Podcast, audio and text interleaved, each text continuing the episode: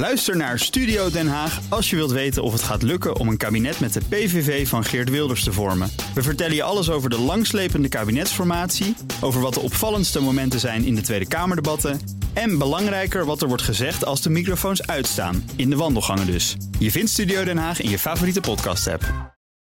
De column van Marianne Zwagerman.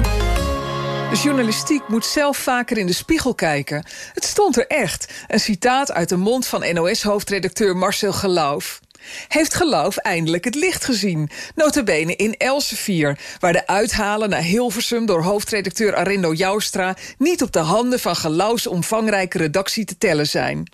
Geen enkele organisatie die in Nederland subsidie krijgt... gedraagt zich zo hooghartig als de publieke omroep. Alsof er eeuwig recht op geld bestaat, schreef Joustra in een van zijn pareltjes.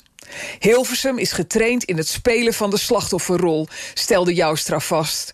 Die slachtofferrol past NOS-baas Geloof als de bondmuts van Gerry Eikhoff.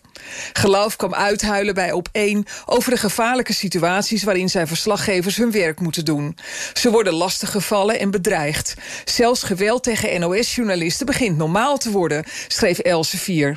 Nou is dat wat zwaar aangezet. Voor zaken als een plopkap afhandig maken... en tegen de NOS-auto pissen. Vervelend, maar met een raket schieten op het panoramapand... en met een auto door de gevel bij de Telegraaf rammen... is toch een haartje vervelender. Om maar niet te spreken over de extreme beveiliging... die John van de Heuvel al jaren nodig heeft.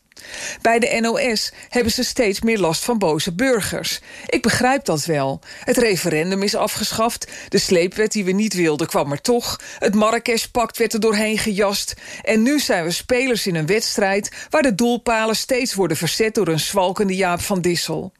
Eerst moest de curve plat, maar nu dat al maanden zo is... worden de regels toch weer scherper.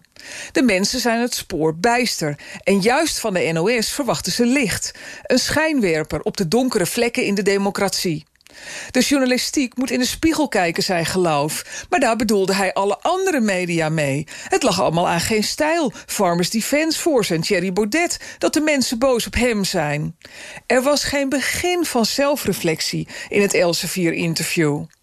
Beter neemt Geloof een voorbeeld aan Pieter Klok... de hoofdredacteur van de Volkskrant... die vorige maand via Zoom drie kwartier in gesprek ging... met een groep viruswaanzinnigen. Geduldig hoorde hij aan en legde hij uit... Boosheid en wantrouwen bestrijd je niet met gehuil en wapperende vingers. Transparantie, kwetsbaarheid en nieuwsgierigheid werken beter. Gooi die spiegel maar weg, maar zet de webcam eens aan, geloof.